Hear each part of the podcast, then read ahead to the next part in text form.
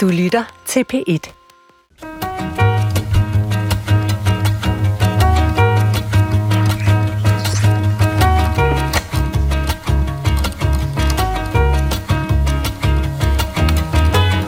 We, from this day and forever, declare Barbados a parliamentary republic. Efter trakasserier og generationsskifter i det britiske kongehus er der åbne spekulationer om, hvor længe den britiske monark kan holde sammen på sammenslutningen af stater, som kalder sig The Commonwealth. Og hvad det betyder for det engelske sprog i Indien, kigger vi nærmere på i dag. For du har nemlig stillet ind der på P1, hvor vi lægger sproget under diamantokularet og nærstuderer det i alle dets øh, slibninger og facetter. Og engelsk i Indien er jo altså den koinor diamant, som er under lupen i dag. Og til at studere det engelske sprog i indiske gevanter, så taler jeg med tre forskellige specialister. Den første er lektor i britisk historie og forsker i det britiske imperium ved Syddansk Universitet i Odense. Velkommen til dig, Christian Dam Pedersen. Tak for det. Christian, øh, nu stiller jeg et, det, jeg vil kalde et meget, meget stort spørgsmål, og jeg skal jo bare have skitsen til overskriften, før mm. du broderer hele klokkestrengen, kan man sige. Øh, altså, er britternes øh, koloni tilstedeværelse i Indien et kært minde om en, en smuk, men svunden tid? Øh, nej, det tror jeg også kommer an på, øh, hvem man spørger. Jeg tror, at øh, hvor synet på britisk kolonialisme i Indien i dag, tror jeg er ret øh, omstridt. Okay. Det var øh, fair nok. Det er i hvert fald det korte svar. Så kan vi bruge det videre på det i løbet af udsendelsen. Min anden gæst er tidligere direktør for det Danske Kulturinstitut i Indien og arbejder nu som selvstændig rådgiver i indiske spørgsmål med øh, sit eget konsulentfirma Hobson Jobson. Øh, han bor og arbejder i Indiens hovedstad New Delhi, men altså i dag er han med os fra Goa. Velkommen her til programmet, øh, Thomas Sedested. Mange tak. Thomas Segested, øh, taler alle indere engelsk som deres første fremmedsprog? Nej, det gør de ikke. Der er kun cirka 10-15 procent, der taler engelsk, og en meget mindre andel har det som deres første sprog, måske kun 500.000. Okay, så vil det sige, at der, der kun er en 10-15 procent af befolkningen, som kan bruge engelsk som et fællessprog med, med andre fra andre landsdele i Indien? Uh, ja, både og. Uh, der er, uh, altså engelsk fungerer i Indien som et, uh, et bindeled mellem mange forskellige sproggrupper, så, så på den måde er det et, uh, et fællessprog. Så, så en, en, jeg havde nært, nu ved jeg ikke, om man kan tale om en gennemsnitlig inder, fordi de bliver jo flere og flere, og i talende stund tror jeg, der er mere, øh, jeg mener, der er 1,3 milliarder øh, inder, ikke? så øh, det, det er formentlig et spørgsmål om timer eller sekunder, før de overhaler Kina som øh, verdens mest folkerige nation. Men, men kan man alligevel prøve at tale om den gennemsnitlige inder, som, altså hvor, hvor mange sprog ville en gennemsnitlig inder kunne tale? Altså udover måske engelsk? Øh, I hvert fald to. Øh, og muligvis tre, hvor, øh, hvor engelsk så kan komme på, øh, på tredjepladsen for, de, øh, for en, et privilegeret mindretal. Okay, så hvilket sprog vil de ellers tale ud, ud over engelsk? Hvad, er, er, der, øh, er der et andet sprog, som, som kunne ruge engelsk fra truet som, som et slags fælles sprog i Indien? Ja, det har i mange år, øh, lige siden Indien blev selvstændig, været bestræbelser på, altså at hindi, altså det indoariske hindi, øh, bliver gjort til fælles indisk sprog. Problemet er, at, øh, at der er dele af Indien, som, som slet ikke kan, om man så må sige, se sig selv i hindi og, og ser udbredelsen af hindi som kulturel chauvinisme. Mm-hmm. og det, det er det, der er en af forklaringerne på, at, at engelsk, om man så må sige, overlever i Indien, og efter min smag kommer til at overleve meget, meget længe. Okay. Og min sidste gæst er her for at besvare vores overordnede sproglige spørgsmål i den rækkefølge, vi kommer i tanke om dem. Han er ledende redaktør for det Danske Sprog- og Litteraturselskab. Også velkommen til dig, Lars Trapp Jensen. Mange tak. Uh, Lars Trapp Jensen, når indere taler engelsk, altså uh, taler de så en, en særlig afart af det engelske sprog, eller kan man tale om en, en indisk dialekt eller sådan noget, eller, eller et særligt sprog? Man kan nok snarere tale om en særlig indisk udtale, Okay. Fordi det er det, der er slående. Øh, hvis man ser på den måde, man skriver engelsk, så øh, læner man sig op af den almindelige standard øh, skriftsnorm. Okay. Så på den måde er der ikke nogen forskel, men det er jo meget markant, når man hører øh, reportager fra Indien, og når man hører indere tale engelsk, at de har en meget særlig måde at tale det på. Ja. Så og det vil jeg også gerne gå længere ind i. Øh, øh, mit navn er Adrian Hughes, og dansk er mit modersmål, og engelsk er mit fadersmål, og i den her sammenhæng, så har jeg ydermere øh, den meget, skal vi sige, spinkle kvalifikation, at jeg netop er hjemkommet fra tre ugers ferieophold i lige præcis Indien. Velkommen til Klog på Sprog. Lad os lige begynde et andet sted. Altså, man skal jo nærmest have ligget i koma på intensiv i en del år, for ikke at have opdaget, at der er en del røre i andedammen i det britiske kongehus. Den ene af kong Charles to sønner, prins Harry, fik nok at leve af, i det, som han kaldte et livslangt Truman-show, og så meldte han sig ud af den britiske kongefamilie og udvandrede til USA med sig selv og sin amerikanske hustru Meghan. Og siden afgangen til USA, så har han og hans hustru Meghan stået øh, stødt og roligt og har fodret offentligheden med mere og mere ubehagelige indsigter i livet i den britiske kongefamilie. Altså for eksempel familiens øh, problematiske forhold til Megans sorte familiebaggrund, her præsenteret i et interview med øh, talkshow-verden Oprah Winfrey. In those months when I was pregnant, so we have in tandem the conversation of he won't be given security, he's not going to be given a title, and also concerns and conversations about how dark his skin might be when he's born. What? And Who who is having that conversation with you? so um, There is a conversation. Hold up, hold up. there's Stop several right conver- there's several conversations. There's a about it. conversation with you with Harry. about how dark your baby is going to be. Potentially and what that would mean or look like. Den britiske offentligheds diskussioner om prins Harrys øh, valg af en farvet kvinde som sin livsledsager var nok en væsentlig del af virakken i det britiske kongehus. Og dronning Elizabeth øh, den anden død i september sidste år, kan man sige, er en anden faktor. Hun døde jo som monark for 15 lande inden for The Commonwealth. Og spørgsmålet er, hvor længe og hvor mange af de lande ønsker at fortsætte med kong Charles, hendes søn, kong Charles den 3., som deres nye regent. Her kan vi høre, med hvilken fest Barbados meldte sig ud af den klub.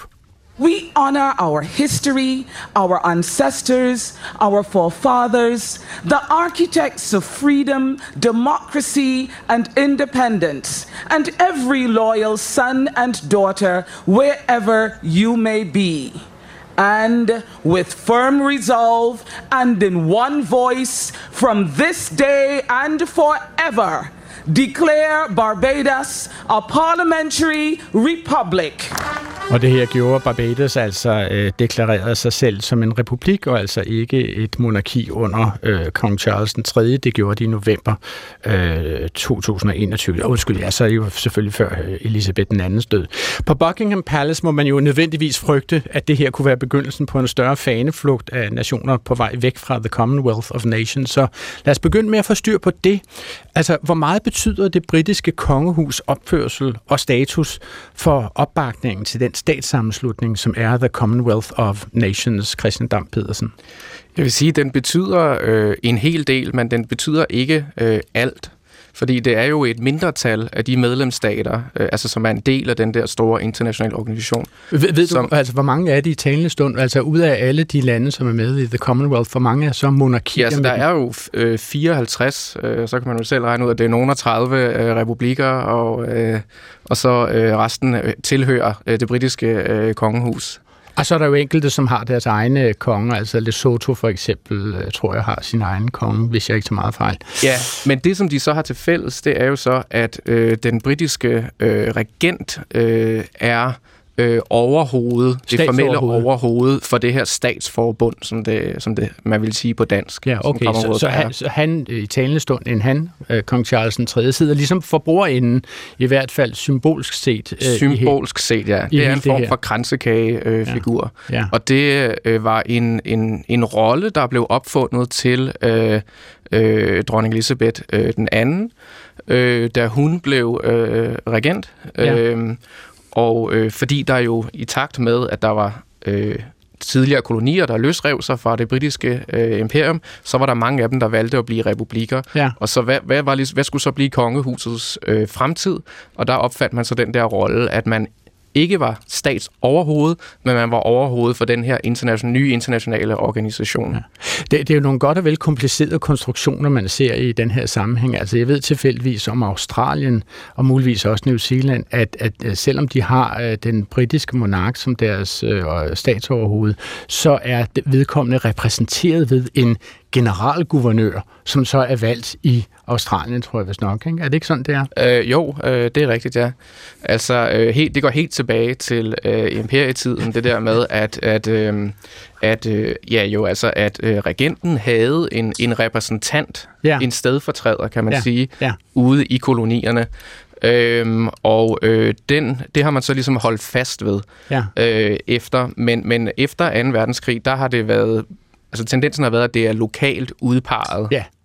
Så det er en øh, Australier, som så, er generalguvernøren. Yes, lige præcis. Men, men, men kan man sige noget på nuværende tidspunkt om, hvordan kong Charles den 3. Øh, bliver modtaget som øh, monark øh, i de steder, hvor de stadigvæk har den britiske monark som deres monark? Det er lidt øh, tidligt at sige, øh, hvad, hvad opfattelsen af, af hans øh, regenttid, hvad, hvad den vil blive. Altså, han har jo forsøgt øh, inden at han øh, blev konge, har han forsøgt at være lidt mere forstående over for øh, øh, befolkningerne ude i øh, Commonwealth-landene, særligt i, i, i de dele af Commonwealth, hvor at øh, altså hvor det nu er ham, der er, er regent. Mm. Altså det har man kunne se i nogle af de taler, han har holdt og sådan noget, at han, øh, han, vil, han vil gerne indgå i en dialog og en debat, for eksempel øh, omkring øh, kolonialismens arv mm-hmm. og dens øh, fortsatte øh, betydning øh, i dag. Og det er ellers nogle spørgsmål, som dronning Elisabeth måske ikke øh, har adresseret, adresseret i, i, i samme grad. Okay. Men, men, men lad os lige prøve at forstå, for det er ikke nødvendigvis alle mennesker, som, som forstår det her i det store uh, historiske overblik. Altså, uh, The Commonwealth of ja. Nations, altså hvorfor tog britterne initiativ til at etablere den statssammenslutning i sin tid?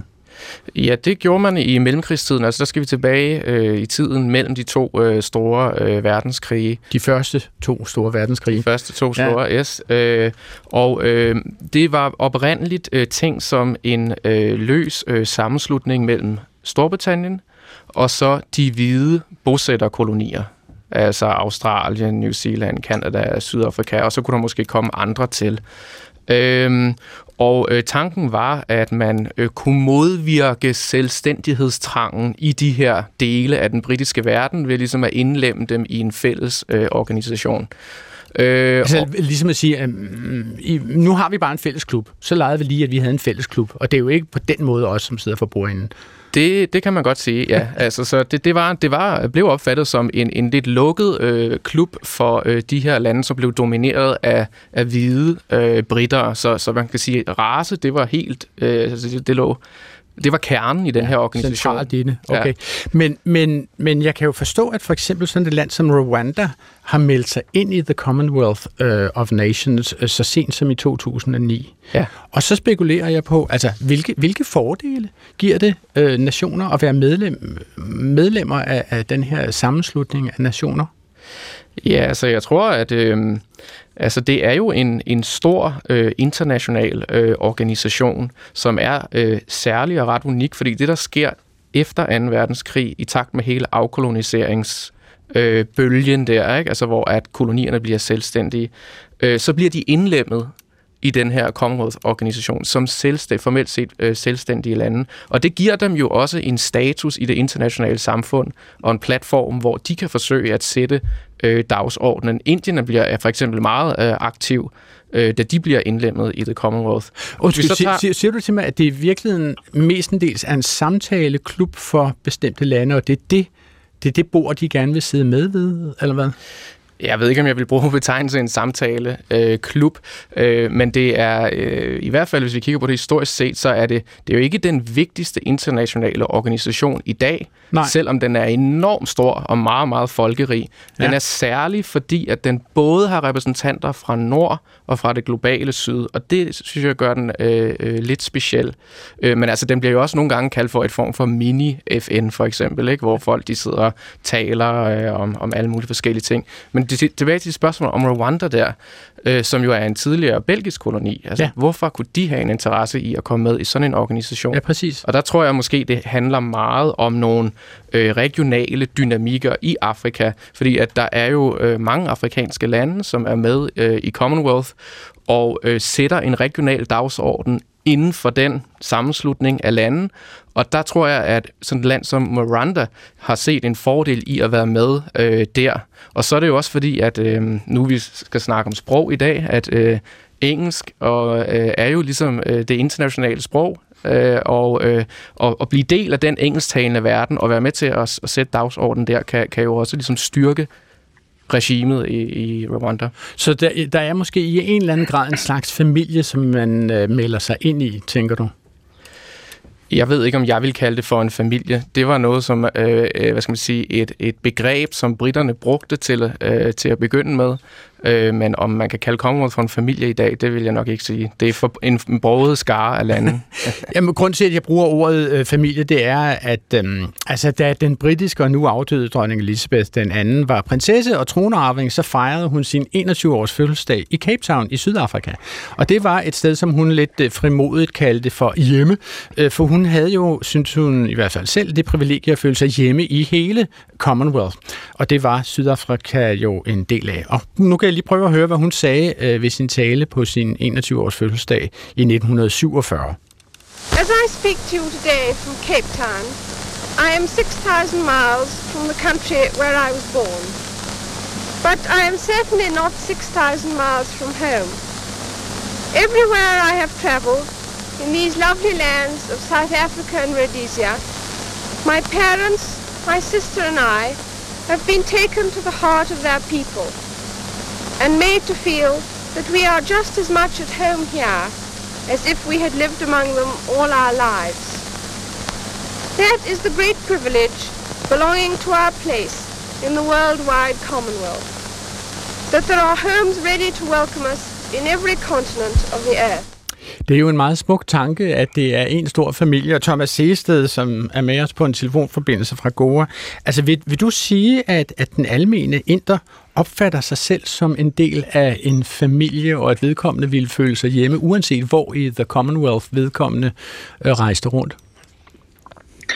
Nej, det, øh, jeg tror ikke for den almindelige inder, der fylder, øh, øh, der fylder alle mulige fællesskaber rigtig, rigtig meget, men øh, de fællesskaber handler om øh, den familie, man er en del af, og den gruppe, og den kaste, og den region, og det land, man er en del af, øh, den profession, man har, men, øh, men, men den, hvad skal man sige, identitetsskal, som hedder Commonwealth, den er øh, øh, meget porøs her.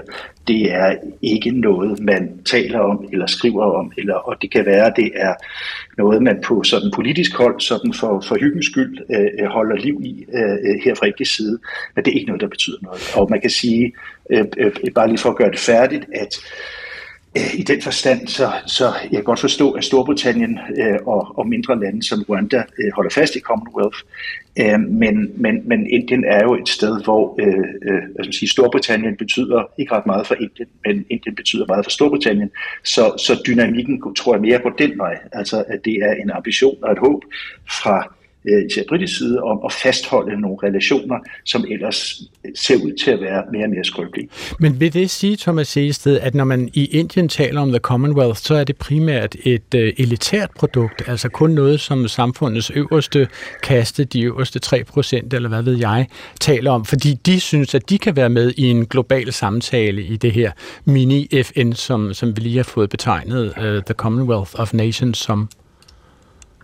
Ja, det er jo svært at, at ligesom give et præcist svar på, men, men mit bud er, at det er øh, noget, der er interessant for en meget elitær elite øh, i og omkring Delhi, der er regeringshovedstaden. Det er simpelthen ikke noget, der har en bred folkelig forankring. For nu vil jeg gerne kigge på øh, måske den tydeligste arv fra det britiske kolonistyre i Indien, og det er vel sagtens udbredelsen af det engelske sprog. Øh, du sagde, Thomas Sested, at det engelske sprog i virkeligheden kun tales af cirka 10-15 procent af, af indere. Det synes jeg jo umiddelbart ikke er særlig meget. Altså, er det, altså, bruger man i Indien det engelske sprog sådan, som man i lærte kredse i Europa brugte latin? Altså som en, et, et redskab til at kommunikere viden og, og lovtekster, eller hvad ved jeg? Ja, altså man kan sige, at, at engelsk har en særstatus øh, i den forstand, at det er øh, øh de fleste sådan, øh, juridiske dokumenter bliver udfærdiget på engelsk. Øh, det er typisk øh, det sprog, der bliver brugt i forretningsverdenen. Det er det sprog, som øh, inden for forskning, universiteter osv., der er det fremherskende, også fordi man er jo nødt til at kommunikere med resten af verden. Men derfor er det, altså, så det er først og fremmest et sprog, der er relativt elitært i almindelig brug. Men, men så kommer man så alligevel til alle de sådan arbejderbias, og det er, at, at Øh, øh, øh, engelsk er ligesom meshet op med øh, alle de lokale sprog også. Altså at man sådan, når man taler hindi, så bruger man gerne en masse engelske låneord. Øh, altså det begreb, man øh, kender som hinglish. Øh, og det, øh, så derfor lever øh, engelsk øh, øh, sådan set, øh, jeg vil ikke sige på bedste velgående, men, men engelsk er en integreret del af det indiske samfund, men som sprog, altså at tale engelsk og, og ligesom gøre sig øh, øh, af engelsk en som primære sprog, det er en, en, en relativt elitær øh, øh, øh, forseelse. Men når, når du taler om at tage engelske gloser og blande det ind i lokale eller regionale indiske sprog i, i det, som du kalder hing, Hinglish, tror jeg du sagde, ikke? og det er vel en blanding af hindi og english. Altså man kan jo bare dykke ned et tilfældigt sted i det indiske mediebillede, og vi har bare fundet en tilfældig reklame for Domino's Pizza, øh, som jo er, må jeg forstå, et internationalt brand, og man skal jo virkelig spise øren for at forstå, at det her, her taler vi om en pizza øh, på, øh, vi taler på, altså det bliver fremlagt på sproget English, eller hvad vi skal kalde det, og man genkender ordene pizza og cheese, som betyder ost, og at det er spicy, som betyder, det er meget krydder. Prøv lige at høre, hvordan det lyder. जब Domino's का नया चीजी wonder pizza पहुंचेगा तो लोग bill pay करेंगे और क्या अंदर फुल ऑफ वंडर स्पाइसी चीज का समंदर और हम तुम डाउन अंडर करा खुद को सरेंडर जो की करके हंसती है ये चीजी हैप्पी फीलिंग है चीजी हैप्पी फीलिंग और जब लोग जानेंगे कि चीज बस्ट अब रेगुलर साइज में है Lars Rapp Jensen, hvad siger du til det her? Forstår du, hvad der sker i dine hovedtelefoner, når du hører sådan en reklame som den her? Jeg forstår det halve af det, nemlig det, der er på engelsk, ikke? men ja. jeg kender ikke helt, kan ikke gennemskue øh, forbindelsen med... Nej, det hjælper, hvis man ser billederne også. Der er masser, en med, hel masse pizza i billedet. Jo, jo, og man kan jo nogenlunde forudse, hvad det er, der foregår. Ja. Ikke? Det er måske i virkeligheden ikke så forfærdeligt langt fra, hvad man kan høre i en eller anden smart dansk eller europæisk reklame, fordi vi er jo også påvirket af engelsk, og det er, det er formentlig det samme, der er på spil i den indiske sammenhæng. Men Thomas Seested, jeg, jeg spiller det her lille klip for at høre, altså bliver der kastet engelske ord ind i den her fremstilling af en af denne anprisning af en vare, som det hedder i markedsføringsloven, bliver der kastet engelske ord ind i den for at gøre den smartere, for at gøre den lækrere, for at gøre den dyrere? Altså, det, det, det, en inder, der har lavet det her, vil sige, vil, vil sige at det ikke er tilfældet. Det er bare fordi, at, at, at, at sådan taler man. Men det, det er jo det, det handler om. Altså, det er ligesom at give den øh, ligesom på et, øh, et, et lidt øvre niveau, at det her er, er smart og, og øh, ligesom internationalt. Altså, og, og ligesom give de, de konnotationer gennem de sproglige sådan, greb her. Ikke? Så, Christian Dam Pedersen, altså hvis, hvis man taler engelsk i Indien, hvad hvad, hvad, hvad får man så sagt om sig selv? Altså, ved, hvordan får man, hvilket hjørne får man malet sig selv øh, ind i? Øhm, man får i hvert fald kommunikeret jo, øh, som vi har hørt, at man, man er en del af en, øh, af en elite. Øh, en, en indisk elite, hvad enten man altså arbejder i, i erhvervslivet, eller man måske arbejder i staten eller militæret øh, eller sådan noget. Øh, men jo samtidig kan man også kommunikere, at man er en del af en, en større, en bredere øh, engelsksproget øh, verden. Så altså, der det er i hvert fald også, hvis vi tager sådan noget som, som mange af de kendte indiske øh, forfattere, øh, mange af dem, som der er kommet frem siden 80'erne, for eksempel fra Rushdie til Desai og, og så videre og sådan noget, som jo altså gladeligt bruger engelsk som deres øh, middel til at øh, ja, kommunikere deres, øh, deres tanker og til at, at skrive på, og som ikke ser noget sådan øh, større øh, problem i det. Mm-hmm. Altså nu kan man jo sige, at det engelske sprog har jo været omdiskuteret i Indien, altså lige fra, fra selvstændigheden i øh, 1947 frem. Nu kan I prøve at høre en introduktion til, hvad jeg øh, bilder mig ind burde være Indiens svar på debatten.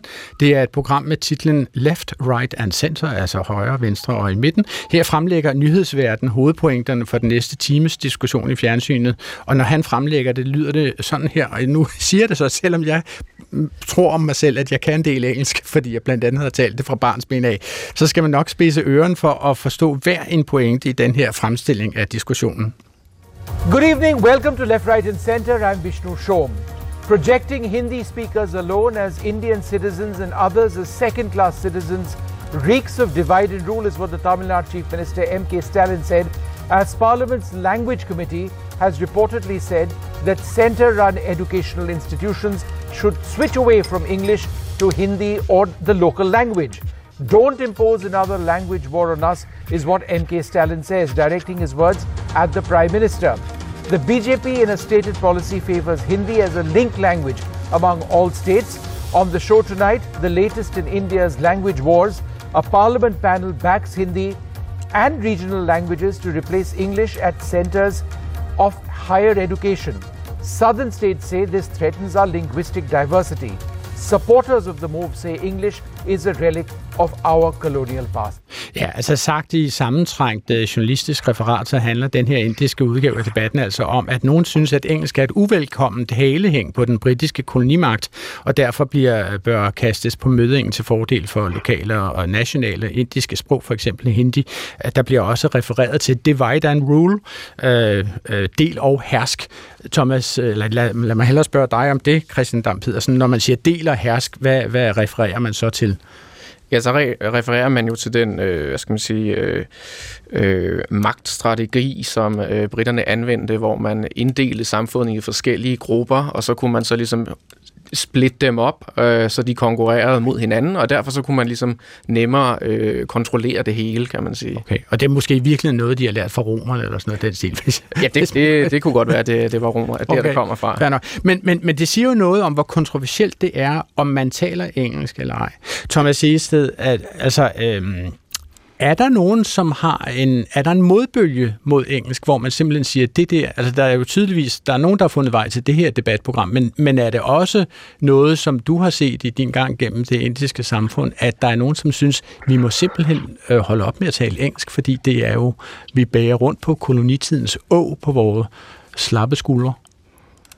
Ja, det, der er helt klart en, en bevægelse, som handler om at sådan, øh, hvad skal man sige, monopolisere Indien til, at Indien er et land for hinduer, og, Indien, øh, og hinduer taler hindi. Øh, og den politiske bevægelse øh, er stærk, øh, øh men har sådan set været der lige siden uafhængigheden, hvor øh, det blev øh, faktisk rodfæstet, at hindi skulle være det nationale sprog. Og så først senere på baggrund af kritik og modstand fra især de sydlige stater i Indien, som altså taler nogle sprog, som slet ikke har nogen sådan sproglig sammenhæng med de indoariske sprog, altså hindi og så videre. Øh, først fra modstand øh, øh, fra dem, så indførte man så engelsk som sådan et parallelsprog, sådan officielt sådan parallelsprog øh, øh sammen med hindi. Fordi det er den anden side af, af, af forklaringen omkring indisk øh, eller engelsk i, i Indien. Men nu spørger jeg, at, men Thomas, ja, jeg spørger lige lidt dumt. Altså, hvorfor kunne inderne ikke i princippet bare lære hindi? Eller også sydinderne, som du peger på? Ja, det, det kunne de jo sådan set også, men hvis vi sådan uh, spoler lidt tilbage, så kan man sige, at, at Indien sådan set uh, uh, er jo en som alle mulige andre nationalstater, en konstruktion, som består af rigtig mange kulturelt forskellige områder. For eksempel eh, Tamil Nadu, som er sådan det tydeligste eksempel, som ikke synes, at de, eh, ud over religionen og sådan noget, så synes de egentlig, at hvis Delhi kommer og pådutter dem hindi, så er det sådan kulturel chauvinisme. Og det er der meget stærk øh, modstand mod øh, sydfra. Man kan også sige, at nordøststaterne helt over østpå tæller de nogle helt andre sprog. Så det at ville monopolisere øh, hindi som det fælles indiske sprog, det vækker regional modstand, og det er bare en hvad skal man sige, et, et addendum til diskussionen om engelsk som elitært sprog. Eng, øh, engelsk har også en anden rolle. Hvad siger du til det, Lars Trapp Jensen? Jamen, jeg siger, at øh, det er en helt klassisk situation, og hvis, øh, hvis vi tager helikopterblikket på, så er der få eksempler på, at det er lykkes et, et, et, et, en stat at indføre et nationalsprog, hvis situationen er den, den er i, ligesom i Indien, hvor det måske er omkring halvdelen af befolkningen, der taler hindi. Det vil sige, der vil være et kæmpestort mindretal, som ikke taler hindi. Hvad, måske, nu ved jeg ikke, om du ved det, men altså, hvad, hvad taler den anden halvdel af befolkningen, altså de andre øh, 750 millioner? De taler rigtig, rigtig, rigtig mange forskellige sprog. Øh, nu kan man tale på mange måder, men der tales jo hundredvis af sprog i Indien. Øh, nu nævner du Tamil Nadu, som, øh, der taler man tamil blandt andet, ikke? Øh, altså dravidisk sprog, som ikke har noget med de indoariske sprog at gøre. Der er hundredvis af sprog. Nogle siger 400, nogen siger 5, 6, 700 sprog. Øhm, det er svimlende tal. Og kan man tale om, altså hvor stor forskel er der mellem disse her sprog? Altså er, er de fuldstændig separate sprogstammer, eller hvad? Nogle af dem er, ja. Har, har de også ja. separate, hvad hedder sådan noget, alfabeter? Ja, mange af dem har, ja. Okay. Ja, når der er simpelthen så mange. Så når man øh, taler... Og når, når sige, Bibels, altså du ved, i Bibelen er der jo den her lange fabel om Babelstårnet, ikke? Ja. Hvor, hvor Gud med vilje sørgede for, at ingen kunne forstå hinanden. Ja. Det var Indien, han talte om, eller hvad? Det kunne det godt være. Det kunne det godt være. Altså, Papua Ny Guinea er jo eksemplet, hvor det er endnu værre. Et mindre land, men der er lidt flere sprog. Ikke voldsomt mange flere, men øh, det er ekstremt sprogligt diverst. Og så er problemet, hvis man så gør et ganske vist stort, eller den største gruppe sprog til officielt sprog, så vil man have et kæmpe mindretal, som føler sig sat udenfor, fordi de har jo ikke samme adgang til dem, der er modersmålstalere, når de så skal begå ja. sig, og derfor fejler det. Men Lars Trapp Jensen, du sagde, at der er jo navngivende eksempler rundt omkring i verden på, at man har forsøgt at indføre sprog, som bare ikke holdt vand som nationale og eller officielle sprog. Hvad er det for nogle eksempler, du tænker på der?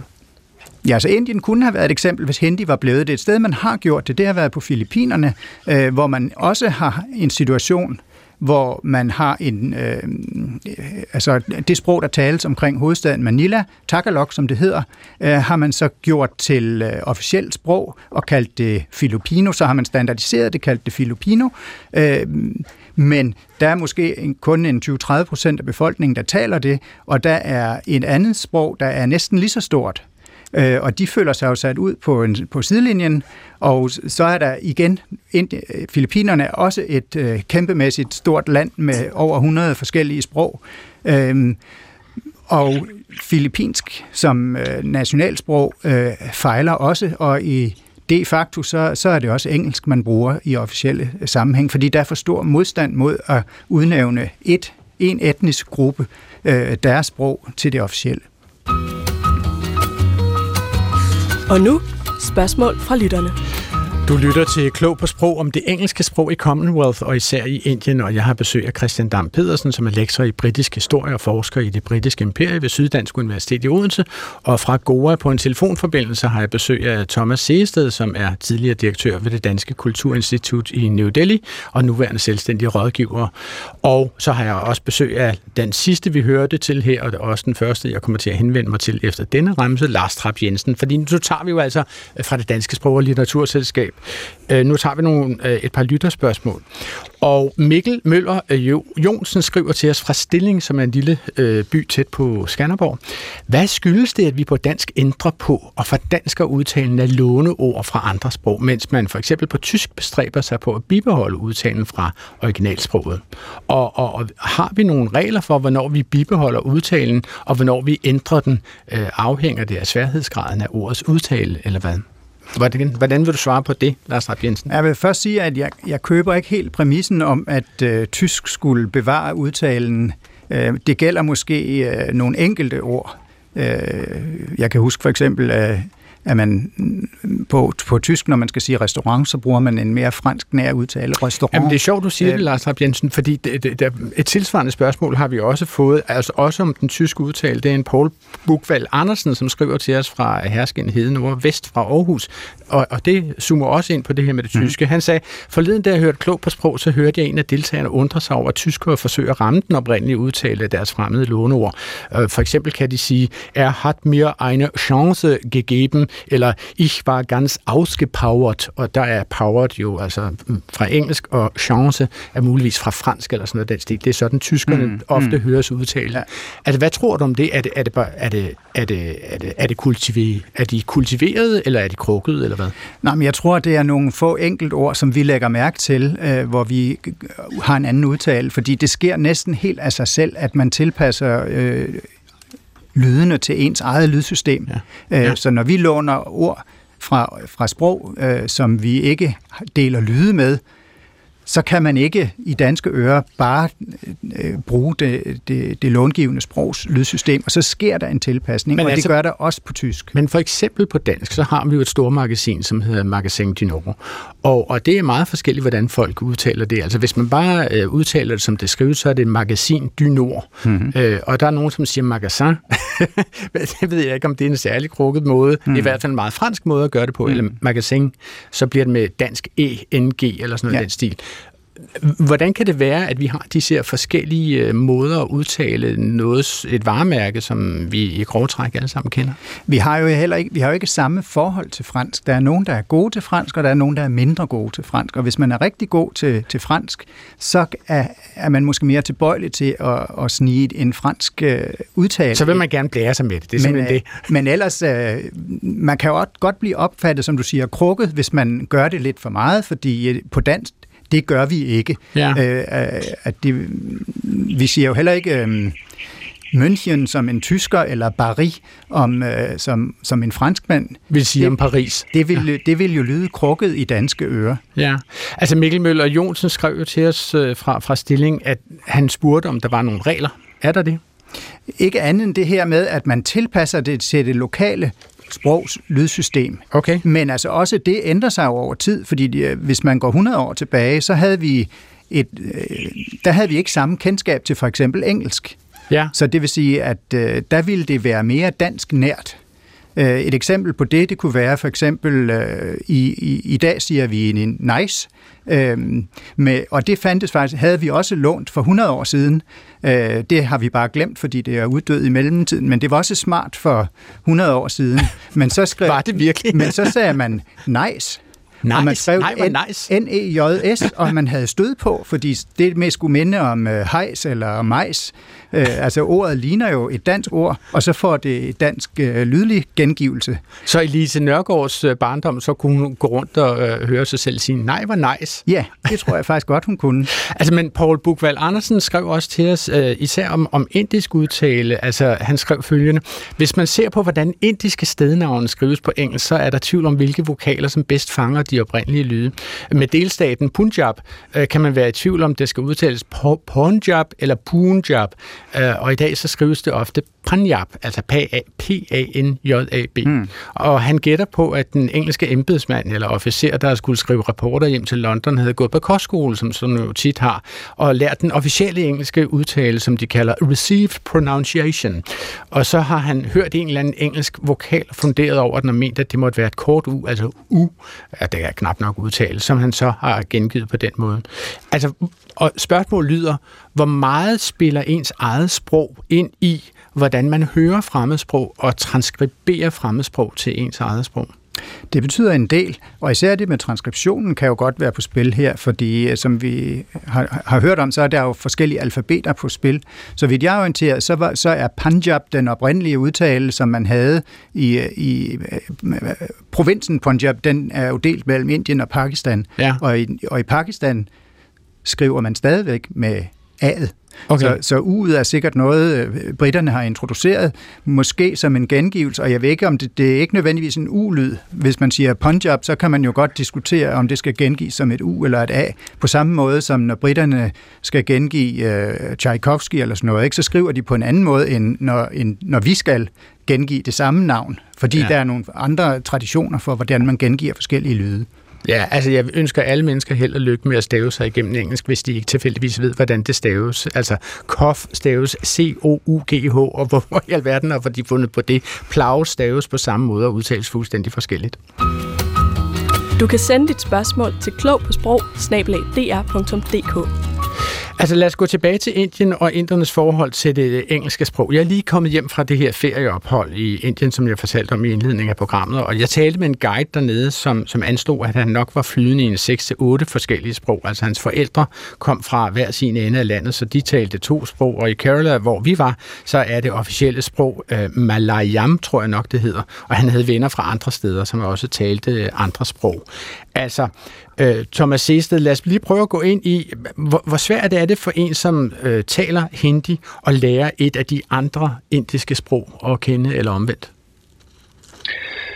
Ja, det kommer an på, øh, hvor, øh, hvad det er for et sprog. Øh, fordi hvis det er, jeg vil antage, at hvis det er et sprog, der ligger inden for den sådan indoariske familie, og det er de sprog, der generelt tales sådan i øh, Nordindien øh, helt ned til, hvis man har et Indienkort foran sig, så kan man måske se sådan øh, Bombay uh, derned.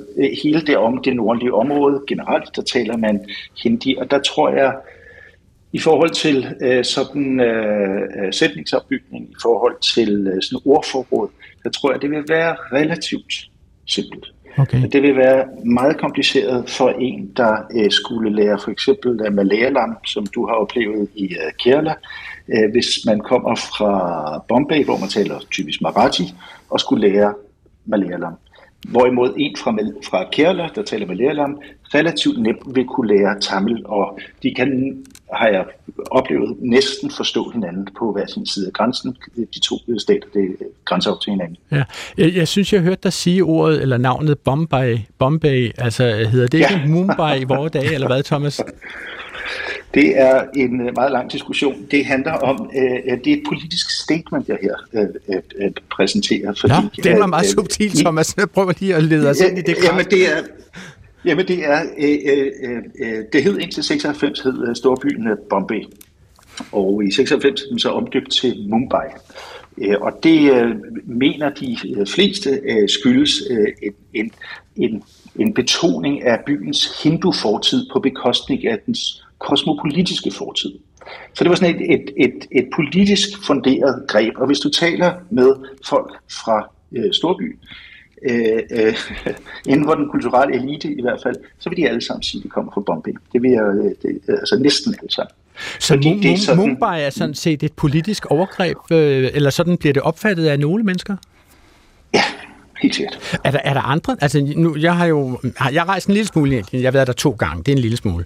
Mm. Øh, og og øh, der blev jeg meget forvirret af øh, madras, for eksempel, øh, som i min barndom hed madras. Og så nu skal, skulle jeg til at lære at sige Chennai. C-H-E-N-N-A-I, tror jeg, det staves. Øhm, er, er, er det på samme måde et, øh, et politisk overgreb fra en eller anden herskende klasse, som synes, at det er nu hindi, som skal lede vejen igennem det øh, Indiens øh, gloværdige fremtid, eller hvad? Ja, her er det så egentlig uh, tamilerne, der uh, kaster noget uh, fortid, uh, noget britisk fortid af sig. Uh, der er ikke særlig stærke sådan, forbindelser til, uh, til den øh, engelske betegnelse madras, så derfor tog man øh, øh, øh, skiftet man.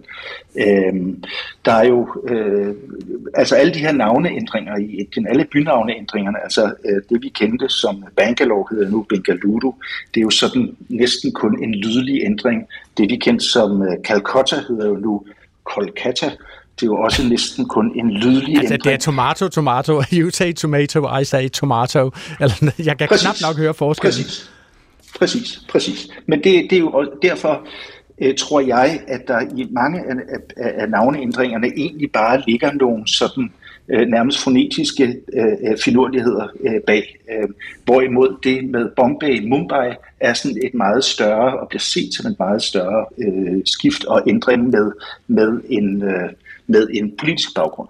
Så når du øh, sammen med dine, dine indiske samarbejdspartnere, eller de mennesker, øh, du er konsulent for, bruger ordet Bombay, så opfatter de meget tydeligt, at du der har truffet en politisk stilling? Det kommer an på, hvem jeg taler med. Nå. Jeg tror jo, altså, at det, det er en politisk stilling. altså det ville være, øh, det, det ville jeg, jeg ville tænke over det, hver gang jeg brugte det. Hvis jeg var i sådan en almindelig forretningssammenhæng, så ville jeg nok bruge øh, Mumbai, og hvis jeg var i sammen med øh, venner fra øh, kulturlivet, så, øh, så ville jeg sige Bombay. Okay. Fører det til diskussioner? Altså bliver det simpelthen taget op som øh, øh, en lille retningspil for, at øh, her er der lige noget, vi skal tale om? Øh, nogle steder. Okay. Nogle steder. Altså ikke nu, nu, nu var det i 96, men, men der er jo andre byer, som der, er, der er hele tiden øh, øh, øh bynavne ændringer i Indien, og, og det bliver der helt sikkert diskuteret. Selvfølgelig.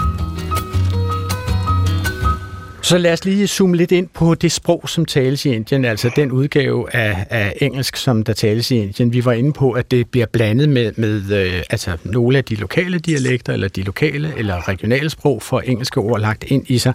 Jeg lagde mærke til øh, i, i det, det lille klip, vi spillede fra den, det indiske svar på debatten, der synes jeg faktisk, at i den måde studieverden fremlagde det på, synes jeg, jeg kunne høre noter af, og så siger jeg så, valisisk engelsk. Altså, valisisk engelsk er, er, kendt for, at, at altså, valiserne, for eksempel min far, øh, taler øh, engelsk på samme måde, som nordmændene taler norsk, altså øh, i en meget, meget syngende øh, tone af sproget, syngende udgave af sproget, op og ned af, øh, dale og bakker. Øh, Don't be daft, Tommy, I'm the only gay in the village, kunne man sige på valisisk engelsk. Nu kan I prøve at høre, øh, om I kan høre det samme i klippet her med den, øh, den indiske nyhedsoplæser. As Parliament's Language Committee has reportedly said that centre run educational institutions should switch away from English to Hindi or the local language. Don't impose another language war on us, is what MK Stalin says, directing his words at the Prime Minister. Og det, jeg hæfter mig ved her, det er the local language. Og det kunne man simpelthen høre en valiser sige, vil jeg sige. Altså, øh, vil du, Lars Trapp Jensen, sige, at der er i den indiske udgave af engelsk reminiscenser af britiske engelske dialekter? Nej, det tror jeg ikke er forklaringen på det her. Okay. Øhm, jeg kan godt følge dig, at øh, noget af det, man lægger mærke til, det er jo intonationen. Men jeg tror ikke, at det er, fordi der har været en valisisk stadholder i, i gamle dage i Indien. Jeg tror, det igen er det lokale sprog, der smitter af. Okay. At der er simpelthen en anden intonation, øh, som man garanterer, det må vi spørge Thomas om, jeg kan ikke selv øh, hindi, men at der formentlig er en afsmitning fra øh, det lokale indiske sprog. Men, men det er jo sådan, at vi alle sammen godt kan høre, øh, hvis Sasha Baron Cohen forsøger at lave en parodi på en indisk udtale af engelsk, så vi med det samme genkendte det som den øh, type engelsk, øh, der bliver talt på det subindiske kontinent. Mm-hmm, ja. At, kan du med dit sprogøre, Lars Rapp Jensen, fortælle mig, hvad er det ved internes måde at tale engelsk på, som vi genkender som indisk engelsk? Altså, der er det her med intonationen, det er den ene ting. Ja. Øh, så er det også noget med, med, med hastigheden. Altså, øh, når vi ikke har, har så nemt med at følge med, så er det også fordi, der bliver talt hurtigt. Det tror jeg også er en afsmitning øh, fra det lokale indiske. Og endelig, så er det de her meget typiske D-lyde, øh, som gør, at, at øh, vi med det samme hører, at det er indisk. Hvordan lyder en indisk D-lyd? Den, den, den, den lyder sådan der, og det er fordi, at man øh, i mange indiske sprog, øh, ikke kun hindi, men øh, faktisk især nogle af de sydindiske sprog, bruger øh, en udtale af, af D'et, hvor man ligesom folder tungen op bagved, øh, og artikulere det på den måde. Så det er, her er vi simpelthen ude i noget fysisk ved sproget, at, at mange indiske sprog øh, krøller tungen mere end øh, indoeuropæiske sprog. Ja, ja, og så bliver det jo en naturlig måde for dem at udtale et, et, et D på, og det smitter så også af, når de taler engelsk. Så Sådan er det jo også med dansk, at vi har måske lidt svært ved at sige et stemt S på engelsk, fordi det er fremmed for os i dansk. Så mange danskere, de øh, udtaler ikke stemte S'er, når de taler engelsk. Hvad er et stemt S? Hvordan lyder det? Og, og det siger vi ikke, når vi taler engelsk. Er der mere stemte s'er i engelsk, end der er i dansk? Ja. Nå, okay. Så hvis jeg skulle forsøge at parodiere den øh, indiske måde at tale på, så kunne jeg rette et spørgsmål til Thomas Seested i går og sige, og nu forsøger jeg at lægge min, min, min tunge helt om i øh, op mod gangen, tror Så Thomas Seested, har du nogen kommentarer til det, som øh, Lars Jensen lige har sagt her i radioen? Øh, øh, øh, jeg skal lige komme mig. Øh, nej, jeg vil bare lige kommentere, at, at øh, her, på, øh, på, øh, her i huset, hvor vi bor, der, øh, der er der nogle caretakers, altså nogen, der passer have og, og gør rent og sådan noget. Og, øh, og min kæreste skulle, skulle sådan, øh, vi vil gerne give en, en fødselsdagsgave til en af deres øh, drenge. Og så spurgte min kæreste, hvornår han havde fødselsdag, altså spurgte øh, birthday. Og det, det, det gik simpelthen igennem, indtil hun sagde birthday. Birthday. Så hvad, hvad altså, havde hun sagt før? Birthday. Nå. Altså den engelske birthday. Ja. Altså med, med, med TH-lyd. Øh, men, men at sige birthday, så, så gik den helt igennem. Så det er bare for at understrege det, øh, øh, Lars fortæller. Okay, men altså, da jeg var i Indien, så kørte vi rundt med en virkelig tjekket, super dygtig øh, øh, guide, som cyklede med os rundt i øh, hovedbyen Cochin i Kerala. Og så fortalte han os om en gade, hvor folk havde specialiseret sig i at lave øh, suits. Og øh, han spurgte os, om vi ville prøve det, og, og vi var bare sådan, nej, altså 32 grader, og grader varmt i solen. Vi forsøgte hele tiden at kaste os ind i skyggen, hvor vi overhovedet kunne finde det. Vi havde ingen som helst tilskyndelse til at prøve jakkesæt på i en eller anden gade i Kerala. Og øh, så går det op for os, når vi kommer helt hen til det sted, han gerne vil vise os, at det, de laver, det er ikke suits, men derimod sweets. Og jeg tænker bare, Altså, forstår han selv forskellen, eller hvad sker der med det? Altså, vil, tror du, Thomas Segested, at når han siger suits, så vil Inder med det samme forstå, ja, han taler jo om sweets? Øh, det tror jeg, jeg har oplevet det mange gange selv. Altså ude på øh, landet, et lille hotel, så spørger de, om man vil have et, øh, et, et suit. Øh, og, og så siger man nej tak, men, men det er en suite, som de, de tilbyder ikke. Så det, og undskyld, det, hvordan, det udtaler, hvordan siger du, at de udtaler til suite? Øh, suit. Jeg har fået det som suit. altså et suit. ja, så det, så det kan være enten lidt suppe eller et jakkesæt eller noget. Det ja, noget af den stil. Nå, jamen det er hårdt. Lad os så prøve at tage en runde her mod slutningen af programmet. Øh, altså, øh, lad os tage, starte med dig, Christian Dam Pedersen. Mm. Øh, hvordan tror du, at engelsk, øh, hvilken fremtid har det engelske sprog i, på det indiske subkontinent? Jamen, jeg tror helt sikkert, at der er en fremtid øh, for engelsk. Øh, nogle af de ting, vi har snakket om i dag, er jo det her med, at øh, der er ikke et stort samlende sprog. Øh, og derfor så vil der også være en plads for engelsk. Så tror jeg også, at engelsk, ikke bare i Indien, men, men altså det vokser i, i hele Asien. Altså der er flere og flere, der bruger engelsk som deres andet sprog eller, eller tredje sprog. Øh, og den bevægelse tror jeg vil fortsætte. Og i takt med, øh, med Indiens øh, økonomiske øh, udvikling, så tror jeg også, der vil komme et pres nedefra, altså hvor at der også er nogen i befolkningen, som, som ser en fordel i at tilegne sig øh, det engelske sprog, forretningsengelsk, øh, international diplomat engelsk osv., alle de her ting her. Så, så jeg tror, at der er en, en fremtid øh, for engelsk, både i Indien og i, i resten af Asien. Thomas Seested, hvad, hvad, hvad vil du sige til det? Jamen, det, jeg vil bare give fuldstændig ret, øh, at, øh, at jeg er sikker på, at Indien har, eller engelsk har en, en, en fremtid i Indien. Og hvis man ser på det sådan rent inden for uddannelse for eksempel, så man kan se statistisk, at folk, der øh, inder, der kan engelsk, øh, statistisk har højere løn. Så det giver adgang, det giver en anden adgang til jobs og muligheder at rejse på tværs af Indien med sit sprog, som altså hvor engelsk er det her kit, der i det sprogligt er noget af det, der binder Indien sammen. Så Thomas, siger du simpelthen, at man, man statistisk set kan se, at der er en direkte forbindelse mellem ens engelskkundskaber og ens øh, løn? Ja, det er der. Og status dermed også? Ja, det er i hvert fald en mulighed for øh, også, og øh, det giver, altså, flere penge kan give status. Ja. Uh, Lars Rapp Jensen, jeg har lyst til at, til at inddrage, at uh, du har jo boet uh, i Grønland et stykke tid af dit liv. Uh, at der må være nogle af de problemstillinger, vi har med engelsk i den tidligere britiske koloni Indien, og så hvordan grønlænderne opfatter dansk i Grønland. Ja, det tror jeg også, der er. Og på den måde er engelsk jo ikke et optimalt valg.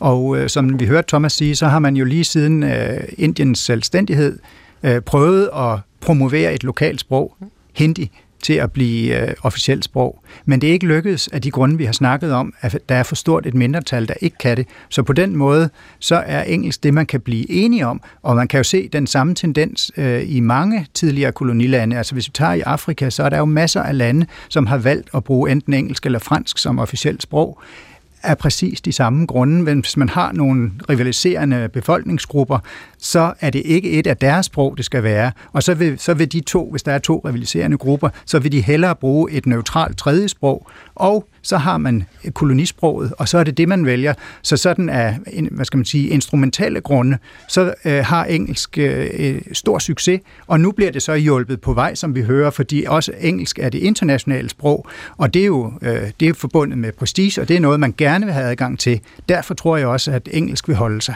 Men kan du prøve at forklare mig forskellen mellem et nationalsprog og et officielt sprog? Er, er, det, øh, er det to forskellige størrelser? Altså mange bruger det jo i, i flæng, men nogen forsøger også at skælne øh, og sige, at øh, et nationalsprog, det skal være forankret. Altså, der skal være en befolkningsgruppe, der taler det sprog. Og når man et så, modersmål måske, kan man ja, sige. et ja. modersmål for en stor befolkningsgruppe, hvorimod officielt sprog er jo noget, man politisk vedtager, at nu må man bruge det og det og det sprog øh, i officielle sammenhænge.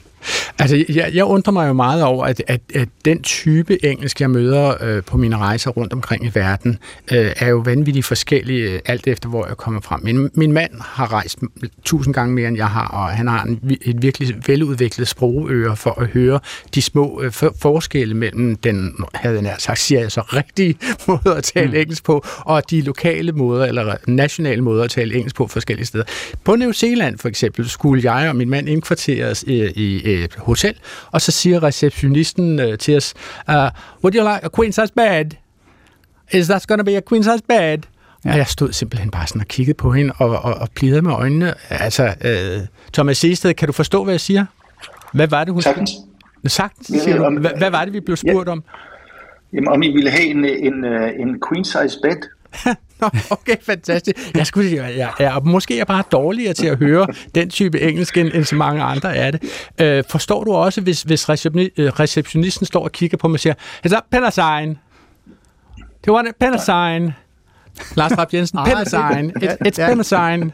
Der er en større udfordring der. Christian Dam Pedersen, øh, er du, er du klar på, hvis jeg, nu står du ved en reception øh, i et øh, bed and breakfast på New Zealand, og damen siger, pen sign? øh, nej, så vil jeg nok lige skulle bede om at få okay, en, en, et lille, et lille hjælp. Øh, du får et kreditkort at holde op. Er det pindersign? Okay, det er, er det pindkode, eller skal du underskrive på sådan en... Ja, ja, ja, no, no, no, okay, godt. Men det siger jo bare noget om, at man skal vende sig til, at eng, der er ikke det, du mm. kalder rigtigt engelsk. Okay. Der er et globalt mm. engelsk, som er meget forskelligt, hvor på jorden man er, og man kommer jo ikke langt med at insistere på, at ens eget sprog er rigtigt, hvis det bare er amerikansk eller det er britisk engelsk, hvis man befinder sig i Malaysia eller i New Zealand eller i Sydafrika. Så helt kort her til sidst, vil man stadigvæk sige i Indien, at engelsk er kolonimagtens sprog, eller kan man ryste de kæder af sig? Det vil være omstridt. Det er jo der mange, der vil sige, men der er også mange, der vil sige, nej, vi kan godt sige, at der er noget, der hedder indisk engelsk, eller at engelsk er et internationalt eller globalt sprog. Så jeg tror, det kommer an på, øh, hvem man, hvem man spørger. Der vil være forskellige og flere opfattelser af, af den sag. Men ja, der er en klar forbindelse til kolonitiden. Det kan man ikke komme udenom. Okay.